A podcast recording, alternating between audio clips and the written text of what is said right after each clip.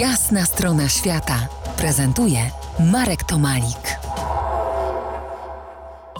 Po jasnej stronie świata Jack Różycki, dziennikarz i tłumacz, przez wiele lat redaktor Australian Geographic, prywatnie mój bardzo dobry przyjaciel, co w Australii kryje się pod synonimem Might. To będzie ciąg dalszy opowieści o kolejach Australii. Był sobie pociąg, który dziś jawi się jako filmowe widziadło i w rzeczy samej to, o czym opowiemy za chwilę, jest tematem na wciągający film fabularny. Już teraz możemy go sobie uruchomić w wyobraźni. The Sugar albo and Sugar Train nie chodzi tu o pociąg do herbaty z cukrem, tylko o pociąg herbaciano-cukrowy, bo ten pociąg woził herbatę i cukier, ale i inne dobra.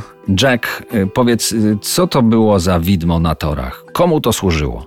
No witam Marek. To było ruchome centrum handlowe. W czasie, kiedy prawie jedyny kontakt z cywilizacją pracownicy, no i ten pociąg był zwany The and Sugar. Oczywiście sięgamy do początku XX wieku, kiedy Neska jeszcze nie istniała, a kawa ziarnista to była tylko dla, dla kawiarnia. Także herbata była jedynym środkiem pobudzającym. No i oczywiście tytoń. Także to był dystans mniej więcej, no ja wiem, 1700 kilometrów. Niech sobie Państwo wezmą mapę lub zerkną na Google Maps. Dla porównania jest ta trasa podobna do odległości powiedzmy Warszawa-Rzym. Tea Sugar był dedykowany towarowy pociąg, który obsługiwał wszystkie te odizolowane tam australijskie te miasteczka, obozowiska, nawet namioty. I to było wzdłuż Nullarbor Plain. I tutaj zaznaczam jeszcze słuchaczom, że nazwa tej ogromnej równiny, bo plain to znaczy równina, nie pochodzi z języka aborygeńskiego, tylko jest łacina na zero drzew, null arbor. No i tak jest. Między Port Augusta i Kalgoorlie wzdłuż kolei transaustralijskiej.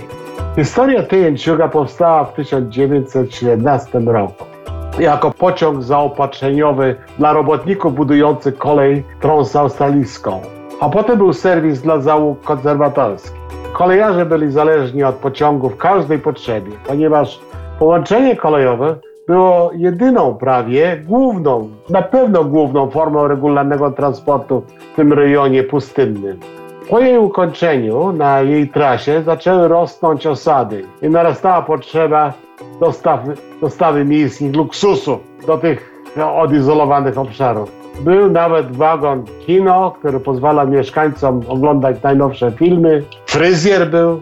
Za każdym razem, gdy pociąg przejeżdżał przez równinę na Labor, miał załączone różne wagony dostosowane do potrzeb mieszkańców, jak już mówiłem. Nawet niektórych był wagon bankowy. Kantor w grudniu był wagon bożonarodzeniowy z Mikołajem i on na gwiazdkę oczywiście rozdawał prezenty. W latach 70.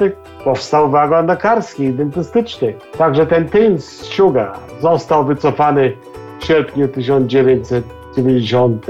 Te niektóre wagony zostały zachowane w Narodowym Muzeum Kolejnictwa Port Adelaide. Do opowieści o legendzie Sugar Train powrócimy za kilkanaście minut. To jest jasna strona świata w RMS Classic.